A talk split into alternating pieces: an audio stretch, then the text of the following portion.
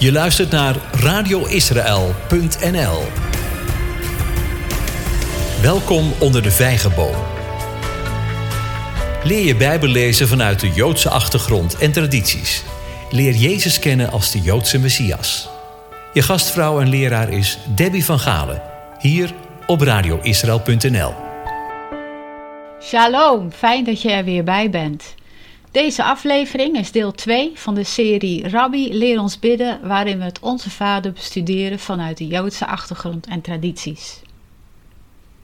Het eerste deel van deze studiereeks was vooral een inleiding op het bestuderen van het Onze Vader, waarbij we in zijn gegaan op onder andere de achtergrond van de drie belangrijkste Joodse gebeden, die qua woord uh, opbouw, of, uh, opbouw en het thema, woordstijl, veel overeenkomsten vertonen met het Onze Vader. Op die manier hebben we ontdekt dat het Onze Vader precies past in het Joodse denken van de Tweede Tempelperiode, de periode waarin Jezus zijn discipelen dit gebed leerde.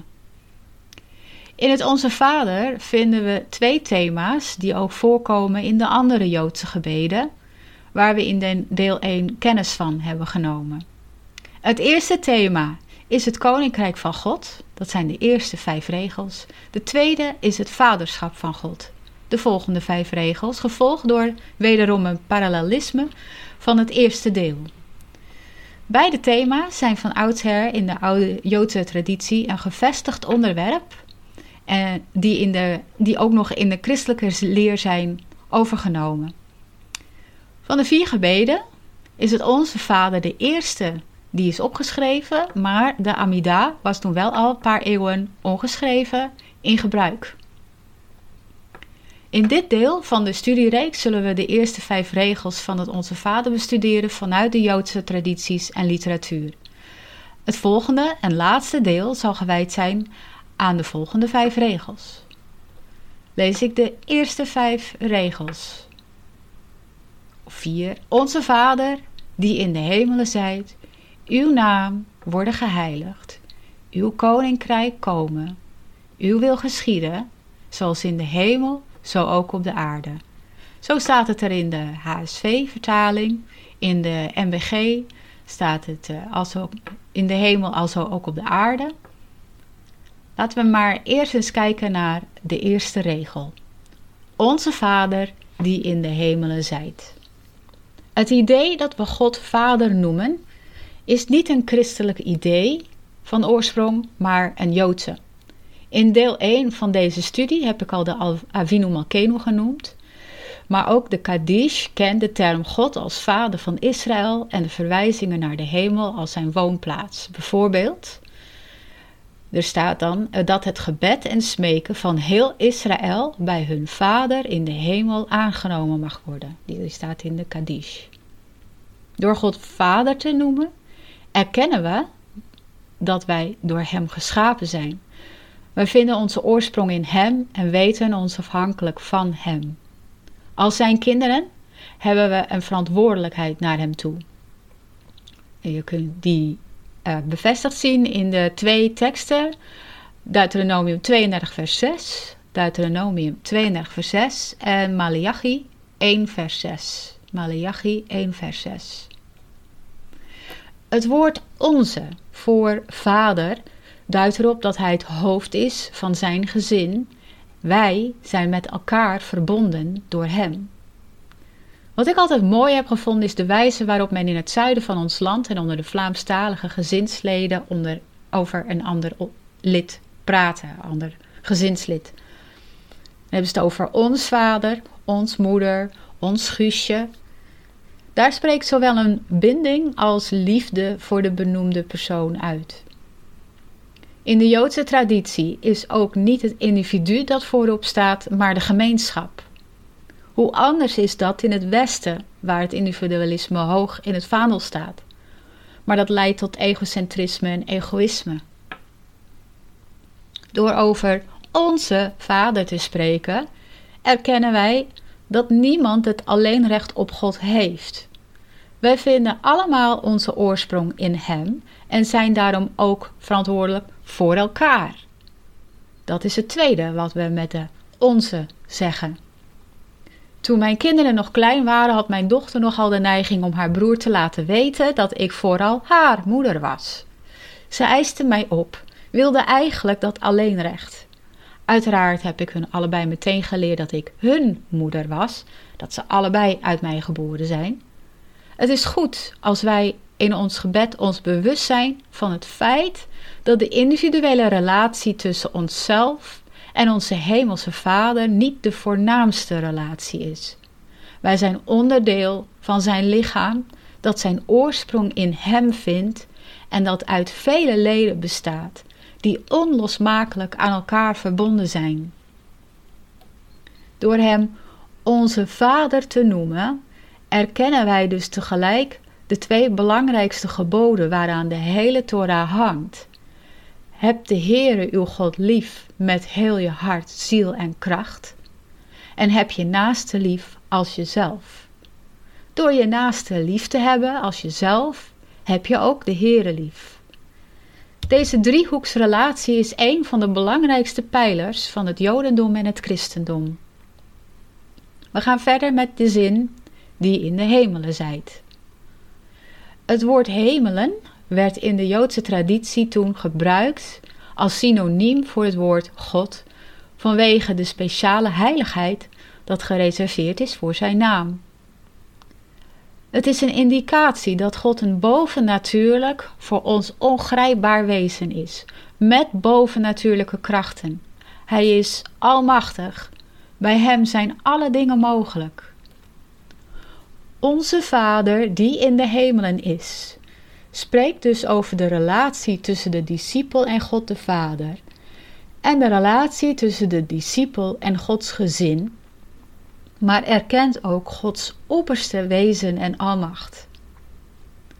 Wat houdt dat in, het vaderschap, volgens het Joodse denken in die tijd? Vanuit de Joodse traditie bezien houdt het vaderschap van God in dat Hij beschermer, voorziener en opvoeder is. Het vaderfiguur in de Hebreeuwse gezin was zeer belangrijk. Hij hield de positie van eer, waardigheid en autoriteit. Maar hij was ook een liefdevolle en zorgzame figuur. Dus ondanks de afstand was er ook het vertoon van liefde en genegenheid voor zijn kinderen. Op dezelfde wijze wordt God in de zin onze Vader die in de hemel is, afgebeeld. Eerbiedwaardige afstand tot de liefdevolle, verzorgende en beschermende Vader. Rabbijnse gelijkenissen uit de tijd van Jezus geven ook een goed beeld van hoe het dagelijks gezinsleven er toen uitzag. En ook van Jezus kennen we een gelijkenis die Gods Vader hart vertoont, namelijk de verloren zoon, wat ook nog wel eens de wachtende vader wordt genoemd. De opmerkzame zorg van onze Vader die in de hemel is, komt veelvuldig terug in Jezus' onderwijs en de rabbijnse literatuur. Ik verwijs daarvoor graag naar de volgende schriftgedeelten en versen. Uh, pak pen, papier. Matthäus 5, vers 45. Matthäus 5, vers 45. Matthäus 6, vers 25 tot 34. Matthäus 6, vers 25 tot 34. Matthäus 7, vers 7 tot 11. Matthäus 7, vers 7 tot 11. Lucas 11, vers 8 tot, of sorry, vers 9 tot 13. Lucas 11, vers 9 tot 13 en Lucas 12, vers 22 tot 32. Lucas 12, vers 22 tot 32. Jezus spreekt ook vaak met zijn discipelen over jullie vader. Zijn gebruik van de woorden mijn vader, zoals in Matthäus 11, vers 27, Matthäus 11, vers 27 en Lucas 2, vers 49, Lucas 2, vers 49, is heel zeldzaam in de rabbijnse literatuur, maar het komt voor. Het geeft wel, wel aan dat men het vrij gewaagd vond om aan God te refereren als mijn vader. Jezus' referentie daaraan is meer dan indicatief van een messiaanse uitspraak zoals die bekend was bij de rabbijnen in die periode. Passages in de Tanach gaan over de, die gaan over de zoon, werden als messiaans aangemerkt. Laten we daarvoor even naar 2 Samuel 14 gaan.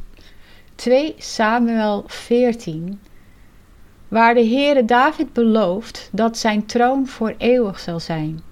Hij zegt: Ik zal hem, Salomo, tot een vader zijn, en hij zal mij tot een zoon zijn. Wat wil zeggen, als hij zich misdraagt, zal ik hem terechtwijzen met een stok als van mensen en met slagen als van mensenkinderen. Omdat het koningschap een instituut is dat erfelijk doorgegeven wordt en de uiteindelijke koning op Davids troon de triomferende Messias zal zijn, zal de belofte aan David wat betreft zijn vaderschap gelden voor al zijn nazaten tot en met de Messias koning. Dat zien we ook in Psalm 2 vers 7. Psalm 2 vers 7. Er staat: Ik zal het besluit bekendmaken. De Heere heeft tegen mij gezegd: U bent mijn zoon, ik heb u heden verwekt. Dit is een messiaanse um, uitspraak. Jezus maakte dus een duidelijk onderscheid tussen hem en zijn volgelingen en schept daarmee afstand.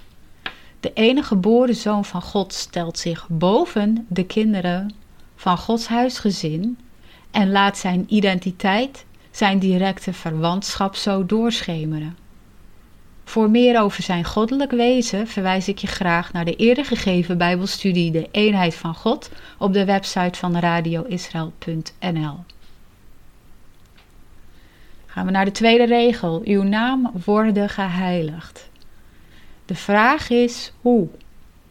Hoe worden zijn naam geheiligd? Deze zin zou om te beginnen beter vertaald kunnen worden als mogen uw naam worden geheiligd. Deze formulering drukt dan meer uit dan een wens voor de toekomst of uiting van lof. Het drukt een intens verlangen uit. Waarom zouden we hiernaar verlangen? We lezen de volgende twee teksten. Jesaja 6 vers 3, Jesaja 6 vers 3 en Ezekiel 38 vers 23. Ezekiel 38 vers 23. In Jesaja 6 vers 3 staat de ene seraf riep tot de ander, heilig, heilig, heilig is de Heere van de legermachten. Heel de aarde is vol van zijn heerlijkheid. En dan gaat het vooral om de woorden Heere van de legermachten. Ezekiel 38, vers 23. Zo zal ik mijn grootheid tonen en mij heiligen en voor de ogen van vele heidenvolken bekend worden. Dan zullen zij weten dat ik de Heere ben. We kunnen uit deze versen afleiden dat geheiligd zijn vooral te maken heeft met Gods pure rechtvaardigheid. In Jezus Hebreeuws zou de frase als volgt klinken: Yit Kadesh, wat parallel staat aan Vehit Kadishti in Ezekiel 38, vers 23.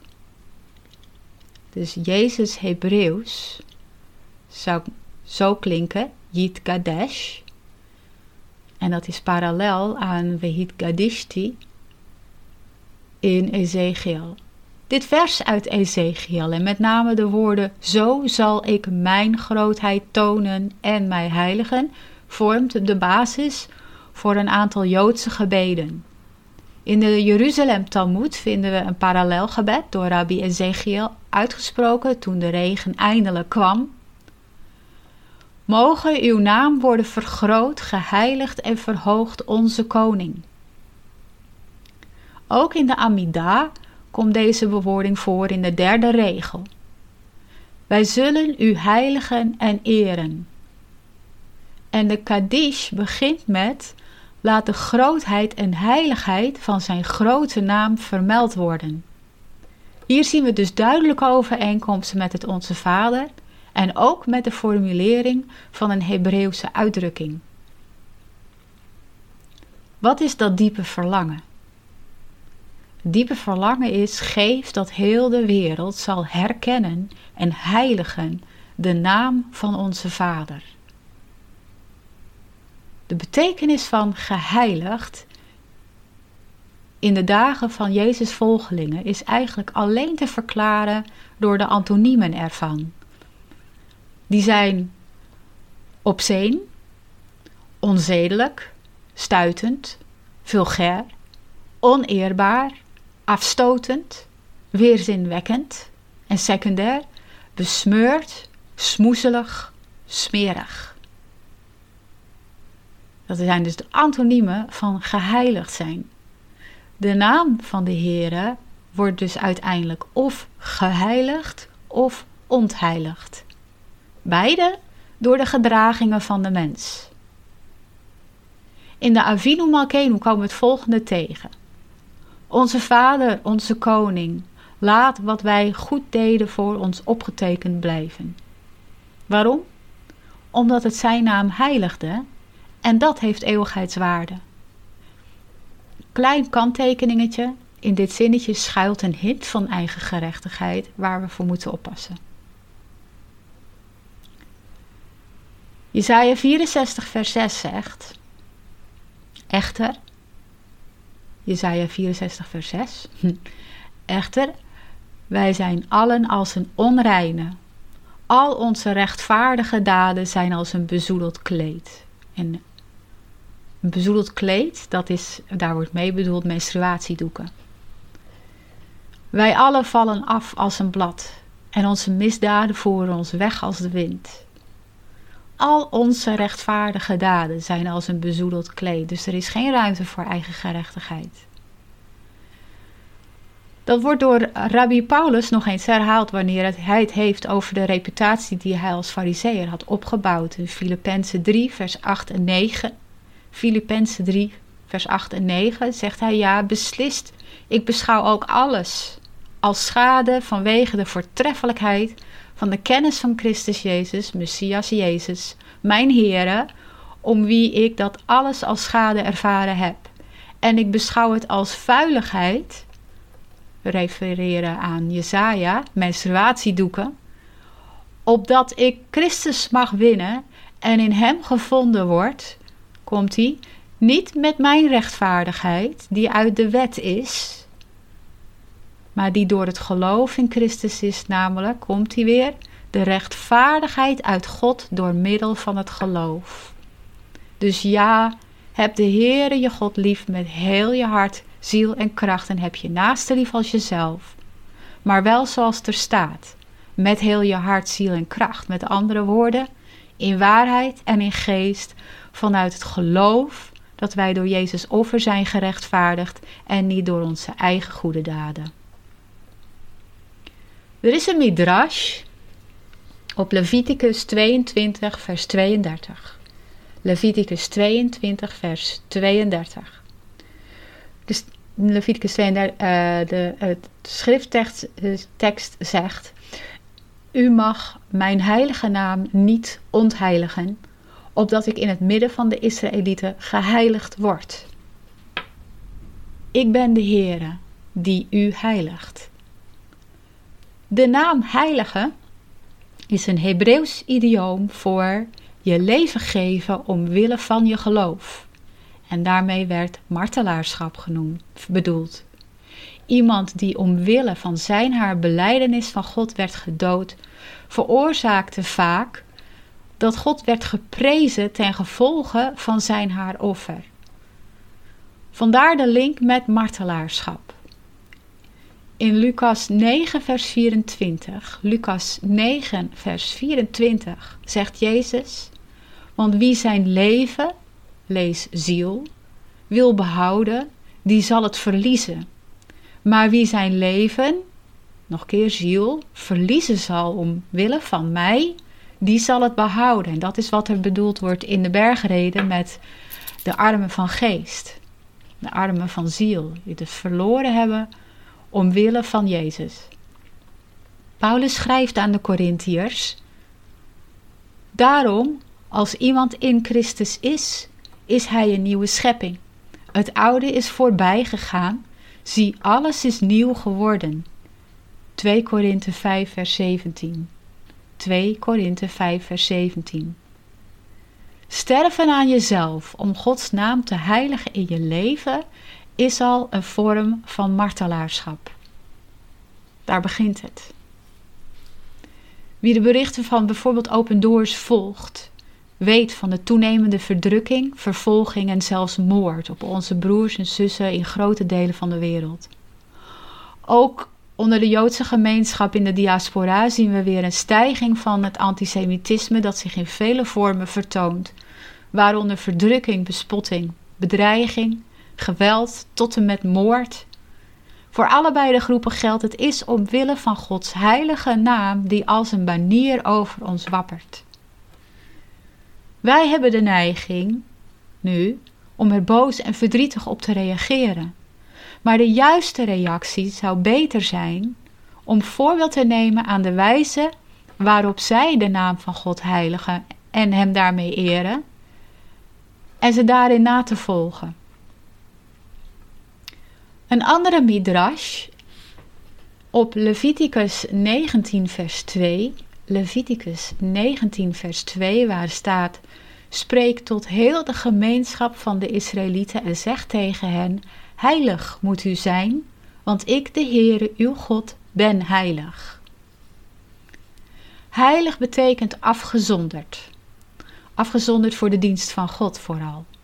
Dat houdt in dat als je jezelf heiligt, dat wil zeggen een heilig leven leidt, met andere woorden, Gods geboden onderhoudt, wat de kern is van heb de Heer uw God lief, etc. Dan zal ik jouw heiligheid, ik, is dan God hier die spreekt, dan zal ik jouw heiligheid interpreteren alsof je mij heiligt. Dat is de midrash.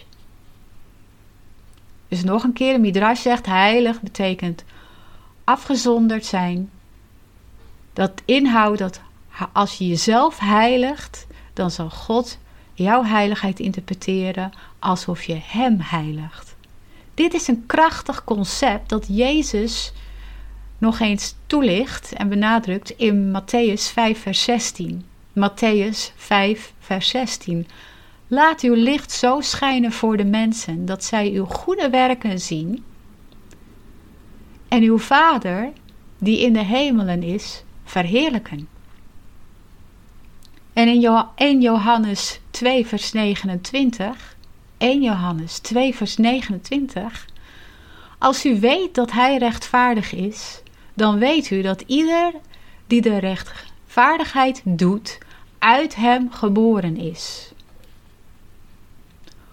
Hoe wordt Zijn naam dus geheiligd?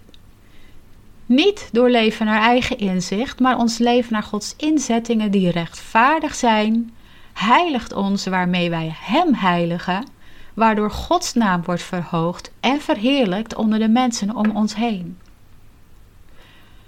Zo komen wij bij uw koninkrijk komen.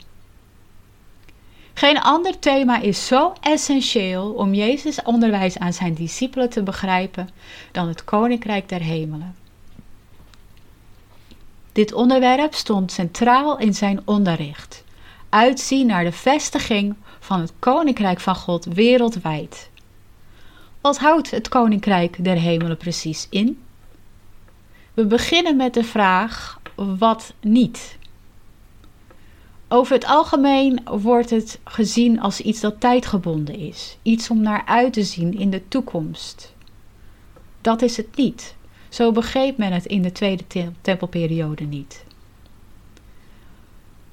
Er wordt ook vaak gedacht dat Jezus hiermee naar de hemel verwijst en dat dat als eindbestemming, als doel zag. Dat is het ook niet. Dat lezen we ook nergens in de Evangelie. Hoe begreep men het in de tweede tempelperiode dan wel? Als we kijken naar de tekst in het Hebreeuws, hoe de tekst in het Hebreeuws zou hebben geklonken, dan zou er staan: Mogen u uw koninkrijk voortdurend vestigen en uitbreiden. Heel belangrijk dit. Onthouden, belangrijk. Wanneer we te maken hebben met Jezus' woorden, horen we onszelf altijd af te vragen wat dat in het Hebreeuws betekende. Wanneer we te maken hebben met Jezus' woorden, horen we onszelf altijd af te vragen wat dat in het Hebreeuws betekende. Dat is cruciaal voor ons juiste begrip van wat hij onderwees. De zin mogen u uw koninkrijk voortdurend vestigen en uitbreiden lijkt op een regel uit de Kaddish. Mogen hij zijn koningschap vestigen. In de Avinu Malkenu komen we een regel tegen die overeenkomsten met het Onze Vader vertoont. Wij hebben geen die ons regeert dan u.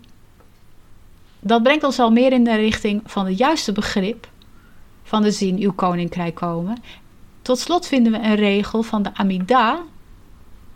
Lezen we het volgende: De Heere zal voor eeuwig regeren, uw God, o Zion, over elke generatie. In de Hebreeuwse bewoording van deze zinnen komt de nadruk te liggen op een type actie, niet op tijd. Jezus' woorden in het Hebreeuws zouden zijn tamlich goed ga. Wat betekent blijven vestigen. Wat u uw koningschap, sorry, ja, dat u uw koningschap mogen blijven vestigen. goed ga, uw koningschap, blijven vestigen. In het latere Hebreeuws werd de tijdfactor wel steeds belangrijker maar de nadruk van het Onze Vader ligt niet op het tijdelijke. Het legt de nadruk op de dynamische kracht van Gods eeuwige koningschap. Ook zo verwoord in de Amida. Dat wordt gevormd door het doen van zijn wil, zowel in de hemelen als op aarde. Het duidt op een onvoltooide actie, op een voortdurend proces. Wat centraal staat is niet het koningschap maar de koning is het essentiële element. Dat valt op te maken uit de grammaticale vorm van het Hebreeuwse werkwoord dat schuilgaat achter de Griekse tekst. De koning is het koninkrijk. De koning regeert niet het koninkrijk. Hij regeert gelijk de mensen zijn koningschap erkennen. Dit alles zegt dus dat het koninkrijk er al was toen Jezus de mensen opriep om zich te bekeren, omdat het koninkrijk, zoals wij het zien staan in onze Bijbel, nabij is. Maar eigenlijk moet je, mag je lezen: hier is. Hoe dan? In Exodus 14, Exodus 14 lezen we over het Hebreeuwse volk dat voor de Schelzee stond met in hun rug het rap naderende leger van de farao. En hoe de Heere de zee voor hun opende en ervoor zorgde dat zij veilig en wel naar de overkant kwamen, terwijl de farao en zijn leger voor hun ogen verdronken. De Heere had Israël niet alleen uit Egypte geleid, maar hun ook voor altijd verlost van de macht van het Egyptische Rijk. Dan lezen we in Exodus 15, vers 18: 15, Exodus 15, vers 18. Als laatste regel van de lofzang die Mozes en de Israëlieten zongen. De Heere zal regeren voor eeuwig en altijd. De Heere zal regeren voor eeuwig en altijd. Dit is de eerste keer in de Tanach dat zijn eeuwige koningschap wordt genoemd. Regeren voor eeuwig en altijd. Het koningschap van God wordt hier in verbinding gebracht met zijn verlossingswerk. Zoals de Heere Israël uit het land van slavernij, uit Egypte, verloste en zijn koningschap bekend maakte, zo is Jezus verlossingswerk, dat ons van de slavernij van de zonde bevrijdde, ook verbonden aan het koningschap van God en dus het koninkrijk der hemelen. In de Joodse traditie wordt naast de bevrijding uit Egypte ook het geven van de Torah verbonden met Gods koninkrijk, eh, koningschap. Sorry. Wie de Torah aanvaardt met vreugde, aanvaardt dus zijn wil en autoriteit in blijdschap en daarmee zijn heerschappij in je leven.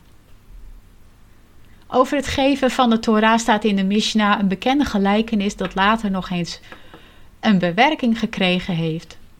Dat gaat, dat zo gaat. God heeft een paar geboden bedacht en hij gaat ermee op pad.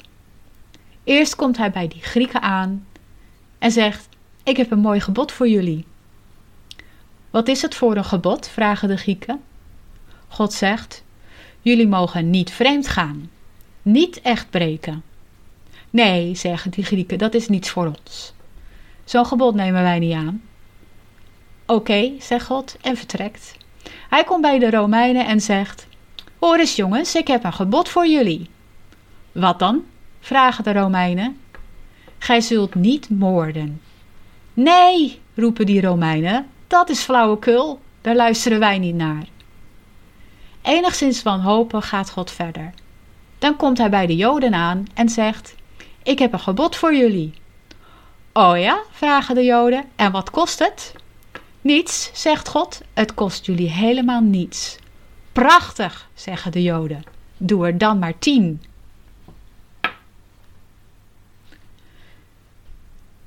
Oké, natuurlijk, dit is, uh, er is een grap van gemaakt, maar het staat echt in de Mishnah. Niet als grap, wel als uh, gelijkenis. Zoals gezegd is Gods koningschap niet verbonden aan tijd. Het is een eeuwig koningschap, zoals Mozes en de Israëlieten al zongen. Hij is actief betrokken bij zijn volk en hun verlossing. Daarbij hoort iedereen die zich daarbij wil aansluiten. Hij regeert niet pas in de toekomst, maar nu al. Overal waar een persoon Jezus verlossingswerk aanvaardt, wordt Gods koningschap gevestigd en uitgebreid. Een voortdurend proces. Het verlossende werk wordt ook werd ook gekenmerkt door de uiting van Gods heerschappij gedurende Jezus' tijd op aarde. Dat wil zeggen, de uiting kwam in zowel wonderen als genezingen die volgden op zijn onderwijs. En dat werd voortgezet door zijn discipelen. En dat dus eigenlijk ook door ons, zijn discipelen, verder voortgezet zou moeten worden. Het aanvaarden van zijn wil en autoriteit vraagt om actie. Vraagt om actie.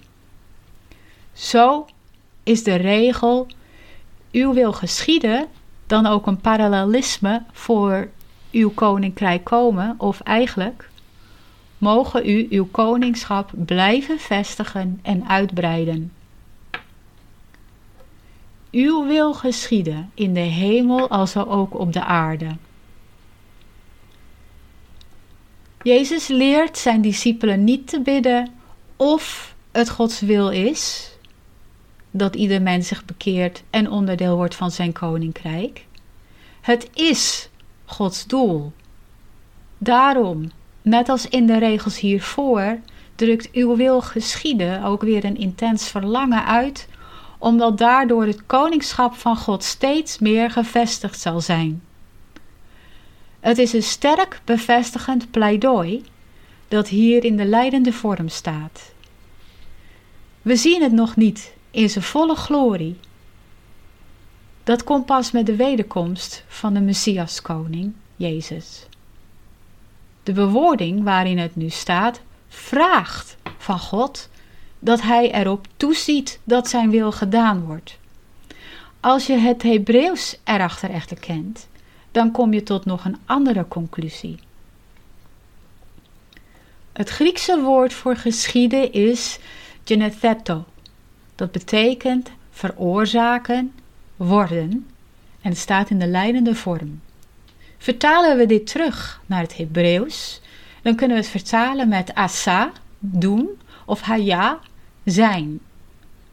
Dit laatste, haya, zou de meest letterlijke vertaling zijn, maar dat zou niet passen in de context van het Onze Vader en ook niet in de context van andere Hebreeuwse gebeden. Het algemene gebruik van het werkwoord zijn verwijst normaal gesproken naar het verzoek: mogen het aangenaam voor u zijn of mogen het zo zijn. Maar in het Onze Vader wordt geen verzoek gedaan. Om de Hebreeuwse stijl te bewaren gaat de voorkeur dus van het Griekse woord genetheto daarom uit naar de vertaling doen, dat een Hebreeuws idioom was. Dit zien we bijvoorbeeld in Psalm 40, vers 9. Psalm 40, vers 9. Ik vind er vreugde in, mijn God, om uw wil te doen. Uw wet draag ik diep in mijn binnenste. Uw wet en uw wil staan dus gelijk aan elkaar, zijn parallelisme. Psalm 143, vers 10. Psalm 143, vers 10. Leer mij uw wil te doen, want u bent mijn God. Laat uw goede geest mij leiden in een geëffend land. En Ezra 10, vers 11. Ezra 10, vers 11. Welnu geeft de Heere, de God van uw vaderen, de eer en handel naar zijn wil. En zonder u af van de volken van het land en van de uitheemse vrouwen. Heilige dus. Heilig uzelf. Vooral in evangelische en charismatische kringen is het normaal om te praten over bidden of zoeken naar Gods wil voor je leven, zij het lange of korte termijn.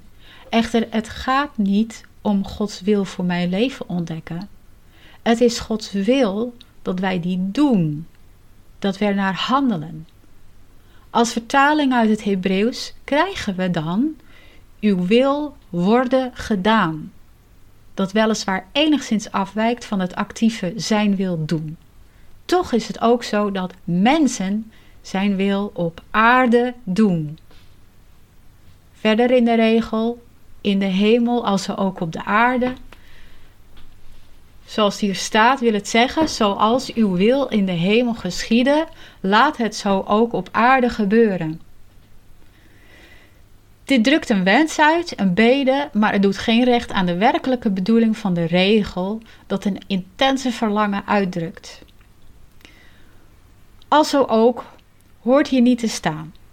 Het Griekse hos, vertaald als als ook, gelijk of zoals, is een redactionele toevoeging geweest, gebaseerd op de regel gelijk ook wij vergeven verderop in het Onze Vader.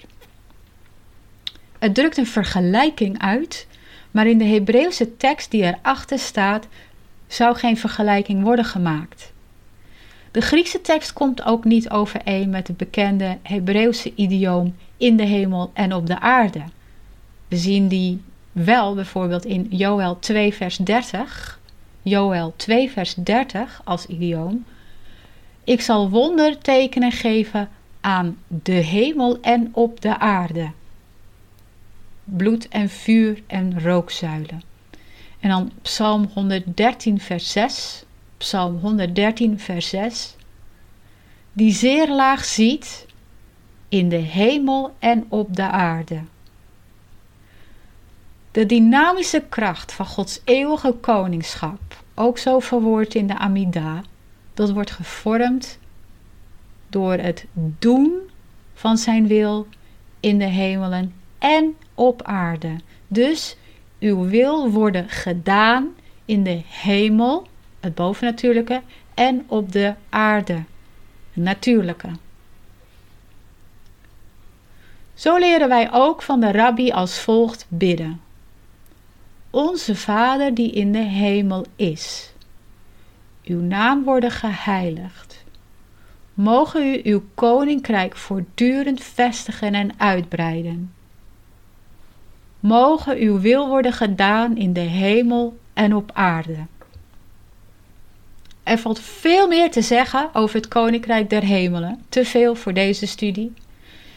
Voor wie niet wachten kan en daar een start mee maken wil, kan ik van harte het volgende boek aanraden: Understanding the Difficult Words of Jesus. Understanding the Difficult Words of Jesus. door David Bivin. David Bivin. En Bivin spel je B-I-V van Victor I-N van Nico.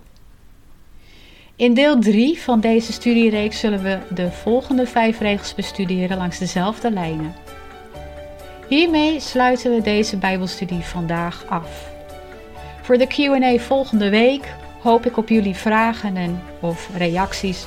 Vul het reactieformulier op onze website in en doe er lekker je best op. Hartelijk dank voor het luisteren. Ik heet Debbie van Galen en je hebt geluisterd naar Onder de Vijgenboom, het Bijbelstudieprogramma van radioisrael.nl. God zegen en vrede voor jou en lied